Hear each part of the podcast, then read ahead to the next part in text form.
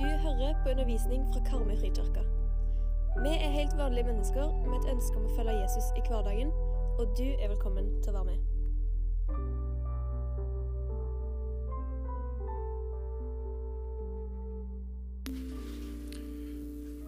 Jeg leser fra evangeliet til Lukas, kapittel 2, vers 1-21. Eller juleevangeliet, som det også kalles. Det skjedde i de dager at det gikk ut befaling fra keiser Augustus om at hele verden skulle innskrives i manntall. Denne første innskrivingen ble holdt mens Kvirinius var landshøvding i Syria. Alle dro av sted for å la seg innskrive, hver til sin by. Josef dro da fra byen Nasaret i Galilea opp til Judea, til Davids by Betlehem, siden han var av Davids hus og ett, for å la seg innskrive sammen med Maria, som var lovt bort til han, og som venta barn. Og mens de var der, kom tida da hun skulle føde, og hun fødte sin sønn, den førstefødte. Hun svøpte han og la han i en krybbe, for det var ikke husrom for dem. Det var noen gjetere der i nærheten som var ute på marka og holdt nattevakt over flokken sin. Med ett sto en Herrens engel foran dem, og Herrens herlighet lyste om dem.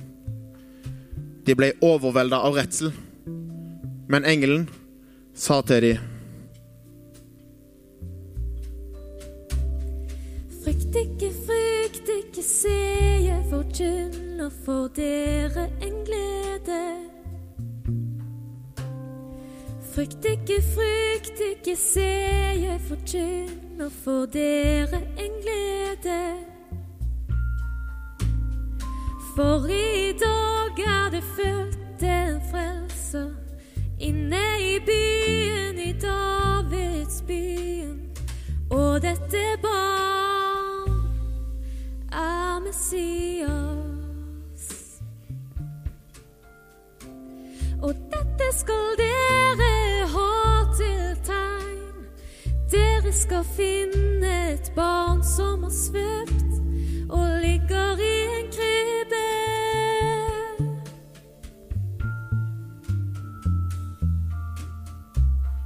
Ja, dette skal dere ha til tegn.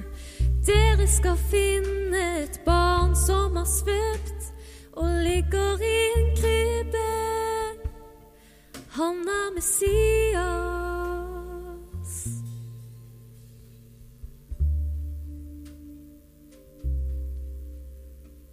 Og ett var engelen omgitt av en himmelsk herskare, som lovpriste Gud, og som sang.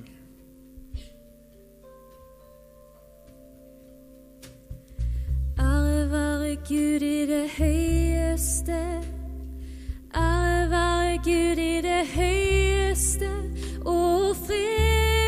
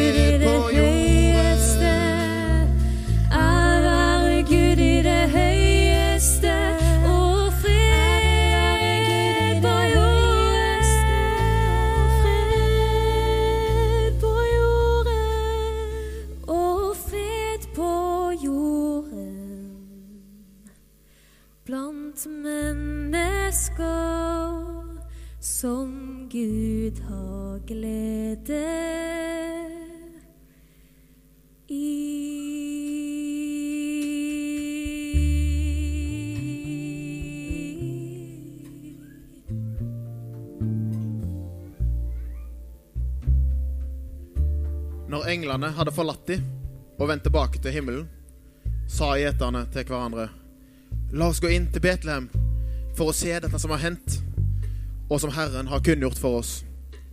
Og de skyndte seg av sted og fant Maria og Josef og det lille barnet som lå i krybba. Når de fikk se han, fortalte de alt som var blitt sagt de om dette barnet. Og alle som eh, hørte på, undra seg over det gjeterne fortalte. Men Maria tok vare på alt som ble sagt, og grunna på det i sitt hjerte. Gjeterne drog tilbake. De lovte og priste Gud for alt de hadde hørt og sett. Og alt var sånn som det hadde blitt sagt til. Når åtte dager var gått, og han skulle omskjæres, fikk han navnet Jesus. Det som engelen hadde gitt han før han ble unnfanga i mors liv.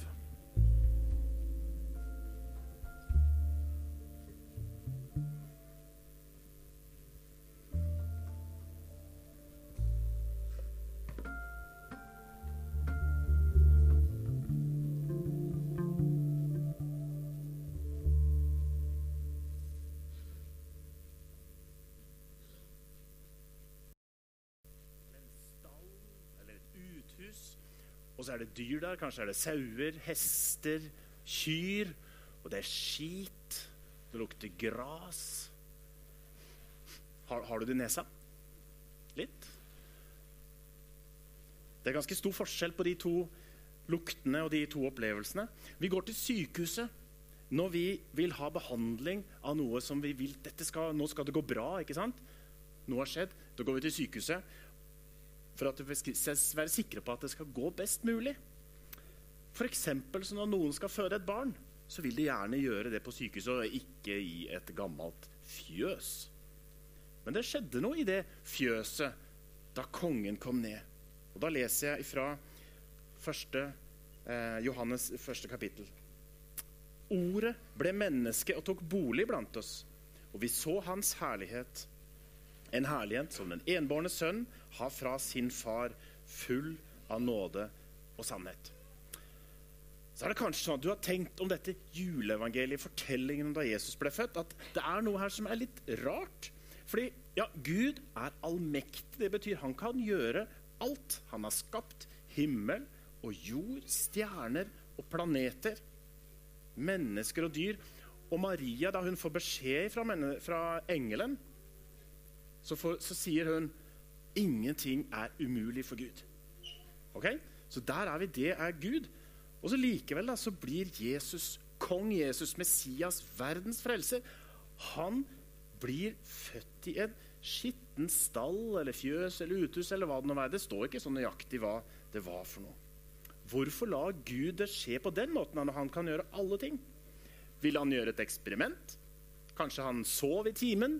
Eller var gått tom for skaperkraft? eller et eller annet? Nei, selvfølgelig ikke. For Gud er Gud. Han er ikke et menneske. Selv om vi mennesker ofte har lyst til å gjøre Gud litt sånn menneskelig, så er han evig og alltid Gud, og han gjør det som han har planlagt. Så hvorfor gjorde han dette da, på julaften? Den første julaften. Hvorfor gjorde han det sånn at Jesus ble født i en stall? Vet du svaret? Svaret er rett og slett på grunn av deg. Fordi du er elsket. Fordi du er elsket. Derfor ble Jesus født i en stall. Ikke bare sånn at det er noen av oss, noen utvalgte. Nei, du, der du sitter nå, du er elska. Av Gud, vår himmelske Far og Skaper. Er det da sånn at han syns at alt du sier og gjør, og er bare helt fint og flott? Nei, overhodet ikke. Men han elsker deg som en far og en mor elsker sitt barn. Og nå er det sånn at eh, alle vi som er her, enten vi er store eller små eller gamle eller unge, så har vi hatt eller har en far og en mor. Og det er noen som har mest sånne vonde opplevelser med mamma og pappa. Men heldigvis har de fleste en opplevelse at de har foreldre som har elska dem. Og så veit du, da, enten du er seks år eller ti år eller du er 70 år, så vet du at du ikke alltid kanskje har vært supergrei. Kanskje har du alltid, ikke alltid vært helt lydig eller snakka sant til foreldrene dine. Og kanskje har du til og med sagt at 'jeg hater deg' og sånne ting. Som noen kan si når de blir ordentlig sinte, selv om du ikke mente det. Likevel så har mamma og pappa elska deg. Tenk på det. De har beskytta deg, de har gitt både tid penger og sin kjærlighet til deg for at du skulle ha det bra. Og når mamma og pappa kan elske deg med alt det du er av rare ting Og jeg er av rare ting. Jeg har i hvert fall av og til vært veldig rar og ulydig. Så kan vel Gud elske deg også? Jeg tenker at det er ganske logisk. Gud er kjærlighet. Jeg vet ikke om kan, du kan si om deg sjøl at 'jeg er kjærlighet'. Det ville vært ganske sånn selvopphøyende. Men Gud er kjærlighet, og da kan jo han elske, i hvert fall. Når vi kan elske. Så hvis du syns det er vanskelig å tro at du er elska av Gud, så tenk på at mammaen og pappaen din elsker deg, eller elska deg når de levde, hvis, du, hvis de ikke lever lenger. Så det er poenget, at du er elska. Men ok, vi begynte jo denne stallen. Hvor, hvor kommer det inn? Jo, fordi Gud elsker deg og meg, så sendte han sin sønn Jesus helt ned til oss. Og ikke bare sånn som en sånn for å være en sånn konge som sitter høyt oppe, men for å være en som kommer helt ned til oss som en av oss, med den verden vi lever i. Og da Jesus ble født, så var det fattigdom, det var sykdom, det var nød, og det var krig. Og sånn er det i dag også. Akkurat likt. Men så er det sånn at det skjer noe da, når kongen kommer ned helt til oss, og ikke sitter der oppe på en sånn høy trone. I Norge så har vi noen konger som vi har vært, jeg synes vi har vært heldige med de kongene. Og da jeg var liten, så var det han her som var konge. Ops. Vi må ta oss tid og se på han. Sånn. Det var ikke kongen der. Nei. Her er kongen. vet du. Se på han på det lille bildet. I flott uniform. Og sånn stilte han opp når han skulle representere Norge. ikke sant? Kong Olav het han. Det er pappaen til kong Harald, hvis ikke du visste det. Han var konge da. Og så var det en gang i 1973, det er liksom for i gamle dager, da var det oljerasjonering i Norge. Og det var ikke lov å kjøre bil på søndager. Og kongen han likte å gå på ski, så når han ikke kunne kjøre bil Han kunne sikkert ha gjort det siden han var konge og lagd en sånn bestemmelse, men han valgte å ikke gjøre det. For han ville være på linje med folket. Han ville komme ned til folket. Så han tok trikken. Og tenk på hun dama som sitter der ved siden av han. Plutselig. Og så kommer konduktøren og skal ha betaling, og så er det kongen som sitter der. For en opplevelse å ha det. Tror du at folk i Norge ble mindre glad i kong Olav pga. det? Eller jeg tror de ble mer glad i han. Dumt å spørre om, kanskje, men jeg tror de ble mer glad i han. da. For han kom ned. Og det var det Jesus gjorde. Han kom ned til oss. Han kom ned ikke bare til oss, men til de fattige, til de som er utstøtt, og som ikke har venner, som har det vondt. Så viste han oss på den måten at hans kjærlighet den har ikke noen betingelser. Det betyr det er ikke sånn at vi kan liksom være så flinke og så bra at vi til slutt er verdige å bli elska av han. Nei, han gjorde det sånn at han elsker oss uansett. For ingen av oss er verken flinke nok eller gode nok for Gud, faktisk. Jeg vet ikke om du har tenkt på det, men du er ikke god nok. Ikke jeg heller. Men han elsker oss likevel med det livet vi har. Og Derfor er det så fantastisk at han kom ned. Og da han kom ned, Jesus, så kom han som barn. Han hadde fattige foreldre. Han hadde en mamma som var blitt gravid uten at pappaen var med, og det pleier ikke å være så veldig sosialt bra. Det var Den hellige ånd, da. Men det var liksom vanskelig å få folk til å tro på kanskje sånn med en gang. Han ble født i et uthus og lagt opp i et sånt mattrau som dyra spiste. Kongen, liksom. Det, sånn valgte Gud at hans sønn skulle komme. Og Allerede rett etter han var født, så måtte han legge ut på flukt sammen med familien sin, for det var en konge som ville drepe ham. For han var redd for Jesus. For Jesus han kom helt ned til oss på den måten. Og så var det ikke sånn at det var overraskende at Jesus kom. Fordi at eh, det var folk i landet som hadde venta på Messias, som var kongen, i flere hundre år.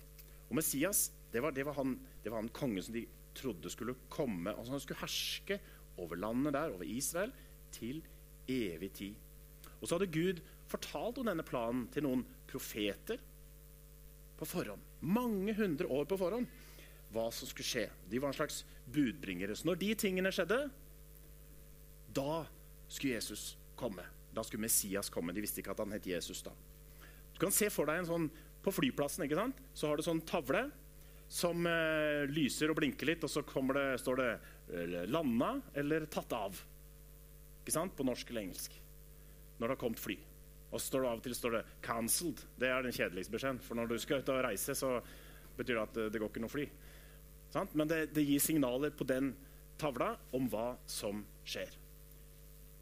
Og På en måte så hadde profetene laga en sånn lystavle. Og Det som skjedde da Jesus ble født, det var at det, spung, alt lyste på én gang. Alle tingene slo inn, det som profeten hadde sagt. Så de som fulgte med, de visste at nå kommer han.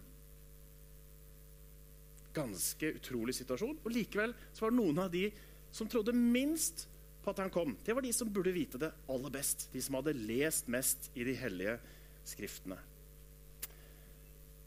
Ok. Mens israelsfolket de trodde at Messias han skulle være en sånn konge som skulle krige for dem, så at de skulle bli fri fra de andre som var i landet der. Men Jesus var en veldig annerledes konge, og de ble litt skuffa.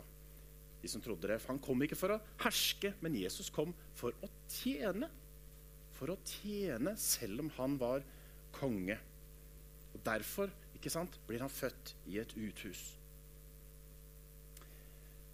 Jeg har med et bilde i dag. Og da vet Johan og jeg Han er kona mi, for de som ikke veit det. Da vi hadde vært og leda denne menigheten her i 15 år, så fikk vi dette bildet i gave av, av menigheten her. Et bilde som jeg har blitt veldig glad i, og som henger på et uh, sentralt sted inni stua vår. Ei som heter Olga Grimsmo Nilsen, som har, som har laga det. Og Det viser en person som har falt ned i en sprekk, og så er det en hånd som kommer og drar den personen opp. Ser du det? Og jeg tenker at den personen, ja, det er Gud. Og så er det én gøy ting, syns jeg, da, som er pastor. Og derfor har jeg pynta meg litt i dag. Ser du hva han har? Han gutten nedi der. Han har jo sånn pastorsnipp. Sånn, vet du. Så jeg tenker at det der, det er pastoren. Og hver dag når jeg føler meg som en ganske udugelig pastor, så kan jeg se på det bildet, og så kommer han, og så drar han meg opp av det, den sprekken som jeg føler at jeg har ramla ned i og klarer ikke å komme meg opp. Så er han som ikke er konge, men som heter Jan Retterdal, som jeg visste i stad. Han er en god venn av meg og har vært en viktig veileder for meg i mange, mange år. Han sier i en av bøkene sine dette her. Jesus vil at hver og en av oss skal vite at hans hender alltid er dypere ned i gjørma enn vi er, for å løfte oss opp. Og Da blir det sånn at det er enda finere, det bildet her. At det er ikke bare en hånd som drar opp, men han kommer helt ned under meg og løfter meg opp. Og kanskje i ditt liv Jeg kjenner jo ikke ditt liv. I hvert fall ikke alle sitt. Noen ganger så har du kanskje følt at nå er jeg langt nede i gjørma. Og nå går det ikke bra her, og nå er det ingen som er fornøyd med meg. Og kanskje heller ikke Gud er fornøyd med meg. Så kan du huske på det at Jesus han har uansett hvor langt ned du er, så er han lenger ned for å løfte deg opp. Det syns jeg er utrolig bra å huske på. Det er det vi tror på, det er det som er håpet vårt, som er så viktig å ha. Så vet jeg ikke om du følger med på nyheter. Jeg tipper Hvis jeg ser på alderen her, så er det ganske mange her som leser nyheter, og kanskje altfor mange ganger i løpet av dagen til og med òg, sånn som jeg gjør. Og det er ganske mye trist som foregår i den verden som vi lever i i dag. Vi må nok øve oss på å sortere hva er det jeg skal se på nå, for det er litt mye å ta inn alt. For på en måte så er det som om verden i dag har ramla ned i en sånn sprekk. Det er mange som har dårlig råd, som står i matkø, selv i Norge. Det pågår fortsatt en helt forferdelig krig i Ukraina. Det er sånn at uh, vi mennesker vi er ikke så flinke til å ta vare på den jorda som Gud har gitt oss. Så Derfor er det mange steder i verden det etter hvert ikke går an å bo på pga. klimautfordringene. Og så har vi glemt det at vi er skapt til fellesskap. Vi er skapt for å dele med hverandre. Og når vi begynner bare å tenke på oss sjøl, ja, så går det ganske så dårlig. Så det er mange som er nedi den sprekken. Og vi kan føle sjøl òg at vi er der nedi der og kaver og tråkker på hverandre for å prøve å dra oss opp. Og det klarer vi ikke sjøl. Da hjelper det ikke når vi er der. Det hjelper ikke bare å tenke positivt eller ta en stein og skrive 'alt blir bra'. Det, det kan være en sånn kortvarig oppmuntring, kanskje, men det løser ingenting. Vi kan ikke fikse det. Og det er mange mennesker som lever uten å ha et håp, for verden blir så svart. Og hvis du bare leser nyheter, ja, så er det ikke noe håp. Det er svart. Og Da glemmer vi det, at Jesus sin hånd er der nede.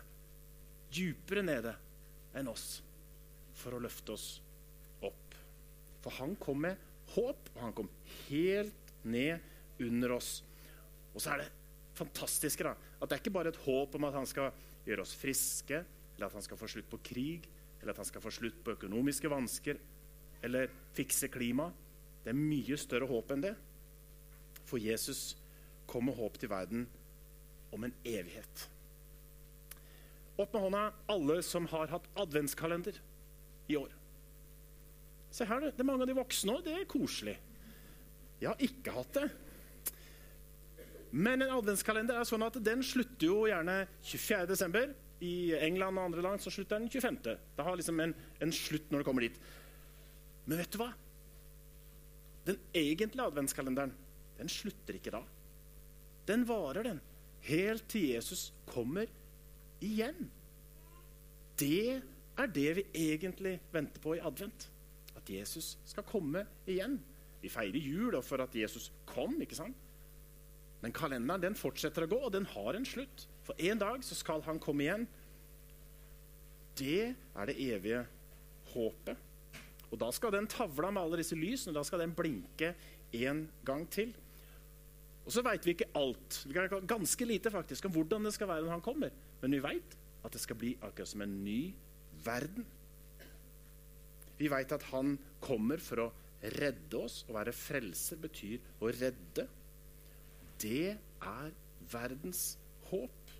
Og det er større enn å få hjelp til de andre tingene. For en dag skal de ta slutt. Og vi skal få være sammen med Jesus på en annen måte i evigheten. For det er Jesus som er håpet. Når den historien som Halvard leste her, og som Maren sang om fra juleevangeliet, når den slutter i Bibelen, så kommer det en ny historie som jeg har lyst til å bare fortelle det helt til slutt. Om en gammel mann som heter Simeon. Og Han er i tempelet. Og hvis du hørte etter, så skulle Jesus gjøre noe som kanskje ikke er så behagelig å tenke på. Han skulle inn og bli omskjært. For det gjorde de på den tiden. Han skulle bli omskåret, og så kommer de til tempelet. Og der er det en mann som heter Simeon, som har venta lenge på Jesus. Og Den hellige ånd har vist ham en viktig ting. Du skal ikke dø før du har sett verdens frelser, har Den hellige ånd fortalt til denne mannen. Så da Jesus kommer, så er Simon der.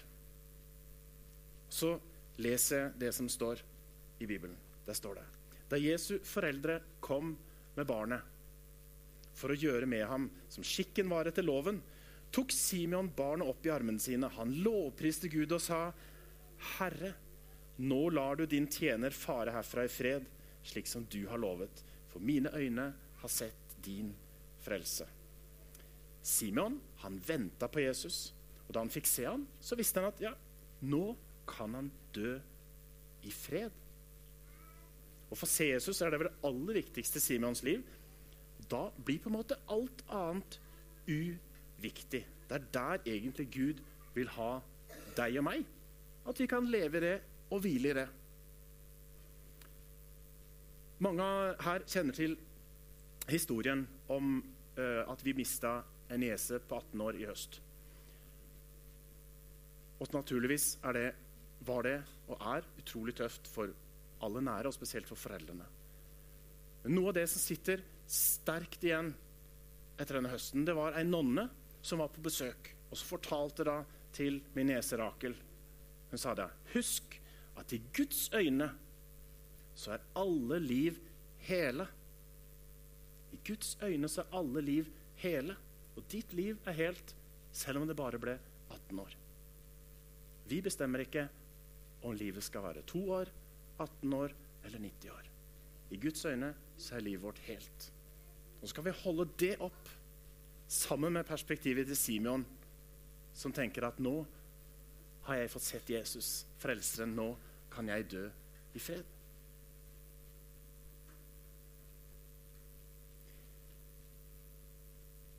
Når livet er som mørkest, og når du ikke orker mer og ikke finner en vei ut, da tror jeg det bare er én som kan løfte deg opp. Og så kaller han noen av oss av og til til å være hans hender og føtter. Gå hans ærend, på en måte.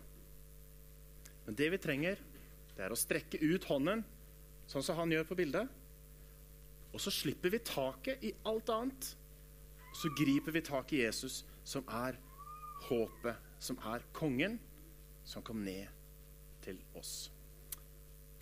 Da ber vi. Kjære Far i himmelen. Jeg ber deg her nå om at du, at du tilgir oss for at vi glemmer at du er der. Jesus, tilgi oss når vi tenker bare på oss sjøl. Og så ber jeg deg, Herre Jesus, la oss få se deg og høre deg. Og For noen av oss som er her, så er det kanskje for første gang. Og for andre så er det for en ny gang. Jeg ber deg, Herre, at du viser deg for våre øyne og i våre liv. For jeg tror at du kan det. Takk, Herre, at du gir oss håpet om en ny verden, om evig liv i din kjærlighet. Og far, kom til alle som, som er uten håp i sitt liv, enten det skyldes ensomhet eller fattigdom, sykdom, død eller krig eller sorg. Andre ting, Herre, kom med håp og liv. Og gode far, du som er full av herlighet, full av nåde og sannhet. Jeg ber deg, far, om at du tenner lyset i hjertene våre, sånn at det kan få skinne fram ved Jesus Kristus, vår Herre. Du morgenrøde, kom med lys. Og skinn, du klare sol for oss.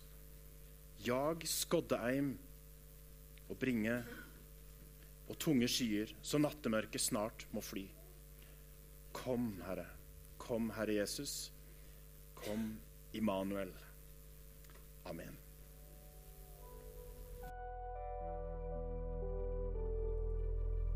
Takk for at du lyttet til oss i Karmøy Frikirke. Velkommen tilbake, og velkommen innom til gudstjeneste eller på websida vår.